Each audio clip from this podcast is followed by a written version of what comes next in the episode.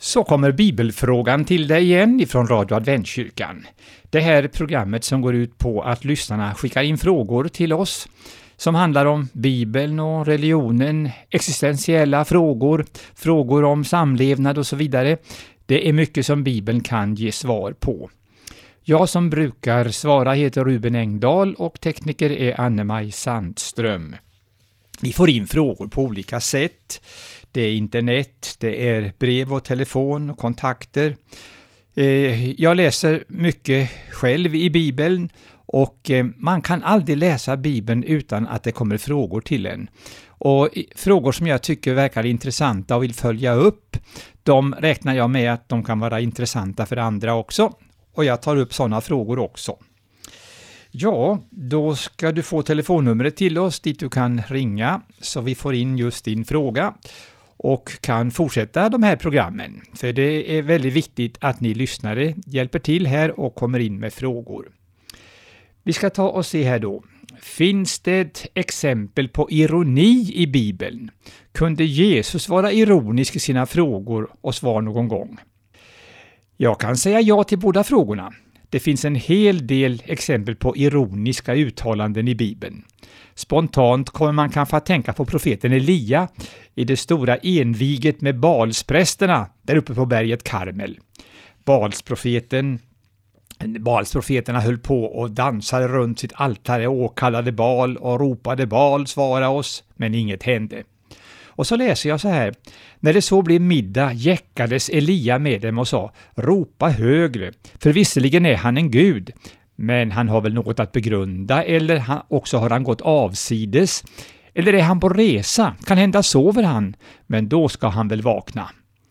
Detta är ju ett e- gott exempel på ironiskt tal, eller hur? Men Jesus då? Jo, om vi läser från Johannes 10 och 32 så säger Jesus där så här. Många goda gärningar som kommer från min fader har jag låtit er se. För vilken av dessa gärningar är det som ni vill stena mig? Jesu ironi är ju tydlig här. Jesus hade gjort så mycket gott och ändå stod de honom efter livet. Ingen borde väl bli stenad för goda gärningars skull. Ja, det var lite grann det om ironi i Bibeln och mycket fler exempel finns förstås. I Johannes 13 och 27 står det att Satan for in i Judas. Det låter ju så hemskt. Och sedan att Jesus säger till Judas, gör snart vad du gör. Varför en sån uppmaning av Jesus? Fanns det ingen återvändo? Måste Judas utföra det här hemska att förråda Jesus? Eh, nej, det måste inte Judas. Ingen makt i världen tvingade Judas till detta. Det var hans eget val. Men Satan hade gett Judas tanken och impulsen att utlämna Jesus. Och denna onda tanke i Judas inre, den slog rot där och befästes mer och mer. Och här vid måltiden då i den övre salen, när Judas tog emot brödstycket från Jesus, då tog Satan själv befäl över Judas. Och därmed blev han helt besatt och helt förhärdad. Han förkastade helt och hållet varje alternativ. Och han fick faktiskt ett sånt till ytterligare ett. Ett erbjudande av Jesus kan man säga.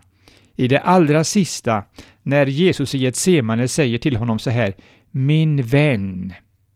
Lägg märke till det yttrandet, min vän, förråder du Människosonen med en kyss. Men då var Judas helt oemottaglig för all påverkan. Jesus befallde honom inte att begå det här brottet. Men Jesus förstod att det för Judas del inte fanns någon återvändo. Och därför bad Jesus honom endast att skynda på vad han höll på med. Det var den frågan det. Så har vi ett par frågor som handlar om åldrar. Hur gammal blev den människa omtalad i Bibeln som blev äldst? Den äldsta omtalade i Bibeln, det är Metusela eh, hela 969 år gammal. Otroligt, fantastiskt. Denne Metusela hade en märklig far som hette Hanok eller Enok. Båda eh, ordformerna förekommer. När Hanok var 65 år gammal fick han den här sonen Metusela. De skulle komma att bli den allra äldsta. Och efter ytterligare 235 år så försvann Hanok eller Enok ifrån jorden. Gud tog honom bort, står det. Så Hanok dog aldrig utan blev levande förvandlad och tagen till Guds rike. Också det får vi uttrycka oss om som något fantastiskt. Och detta måste ju ha följt Metusela under hans långa liv. Detta med sin märklige far. Den andra frågan som handlar om tid gäller det här uttrycket och vad det står. En människas liv blir 70 år eller 80 om det blir långt. Jo, det står i Saltaren det och eh, det är eh, ett intressant uttryck. Och man får säga så att det står sig ju ännu idag faktiskt, det här eh, som ett medelvärde för hur gamla människor blir, i varje fall här vi i västvärlden, 70-80 år. Det var så att vi hade en fråga uppe för lite sedan angående den babyloniska fångenskapen. Och eh, vi hade det uppe då och eh, dels betonade jag, så var det då judarikes 70-åriga fångenskap i Babylon på 500-talet före Kristus. Men eh, uttrycket den babyloniska fångenskapen används också om påvarnas flyttning från Rom till Avignon i Frankrike på 1300-talet. Men undrade den som ringde mig, vad var orsaken till att påvarna flyttade från Rom till Avignon i Frankrike? Ja, att Israel blev bortfört till Babylon, det var ju babylonierna. Men varför det här med från Rom till Avignon? Då kan jag helt kort säga så här att förhållandena i Italien var vid den här tiden mycket osäkra. I eh, 1200-talets slut. Italiens splittring gjorde att påvarna inte satt så säkra längre i Rom. Därför skedde denna överflyttning till Frankrike. Detta var början till en förnedringstid faktiskt för påvedömet. Bland annat stora ekonomiska förluster. Pilgrimer vallfärdade inte till Rom längre när inte påven fanns där. I Avignon byggde man sig senare ett väldigt slottskomplex. Påvarna lät uppföra det och jag har eh, nyligen tittat på bilder därifrån. Det ser enormt ut. Till det yttre såg det ut som en fästning, men invändigt var det prydd med dyrbar konst. Och denna period, det, påvarnas babyloniska fångenskap, den varade mellan 1309 och 1377, alltså nästan 70 år.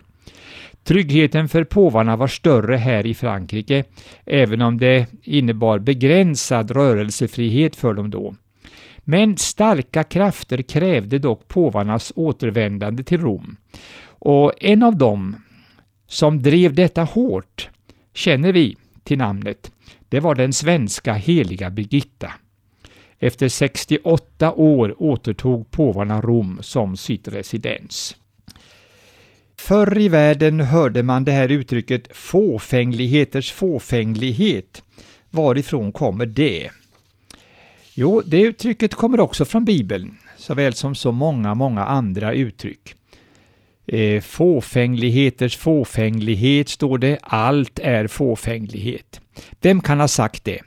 Jo, den vise Salomo, han som inte bad om något annat än visdom och förstånd. Om man läser versen ifrån Bibel 2000 så har den uttrycket tomhet, idel tomhet, allt är tomhet en intressant version av det här med allt är fåfänglighet. Det står i den andra versen det här i det första kapitlet av Predikarboken. Man kan ju fråga sig hur Salomo kunde uttrycka sig så här. Han var rik, berömd, hade allt i överflöd. Det är en allvarlig påminnelse om att det finns behov hos en människa som inte denna världens många handar räcker till för att tillfredsställa. Gods och guld och berömmelse förslår inte. Det finns bara en som riktigt kan fylla människans djupaste behov och det är Gud. Och eh, ge innehåll både för livet och framtiden. Och var det inte kung David som sa så här vackert? Vem har jag i himmelen utom dig? Och när jag har dig, då frågar jag efter ingenting på jorden. Det står i Saltaren 73 och 25. Vilken härlig och, och vacker vers är inte det? Ja, nu är ju adventstiden eh, och eh, julen står för dörren. Men vad betyder advent? Har det med väntan att göra? Ja, visst har advent med väntan att göra, det kan man ju inte komma ifrån. Men ändå är det inte just det som ordet advent, latinets adventus, betyder, utan advent betyder ankomst. Och det är ett ord som vi här i adventkyrkan är väl hemmastadda med, det här med advent. Vi kallar oss ju adventister, vilket betyder att vi väntar Jesu återkomst, eller som man också kan säga Jesu andra ankomst. Den första var ju när Jesus föddes som människa i Betlehem. Och den andra, det blir då när han kommer på himlens skyar med, som Jesus själv säger, alla himlens änglar och i stor makt och härlighet. Men eh, Jesu ankomst, det är ju många andra kristna som också ser framåt emot och tror på och predikar om. Så när det gäller Jesu återkomst så är vi väl alla adventister egentligen, eller hur? I det avseendet åtminstone. Ja, det kan ju vara någonting att eh, kanske smått skämta om, men som ändå är så. Vi har en fråga här, så en kort fråga. Vilken är den äldsta bibelhandskriften som vi känner till? Ja, för att få svar på den frågan så får vi gå till Döda havsrullarna som upptäcktes 1947. Och bland dem finns en Jesaja-rulle från hundratalet före Kristus. Detta är, är oerhört. I nästan 2000 år hade dessa handskrifter legat förvarade i lerkärl i grottor. Eh, där nere vid Döda havet. Väldigt många var det av Gamla testamentets bibelböcker och ibland dem så var det en komplett Jesaja-rulle.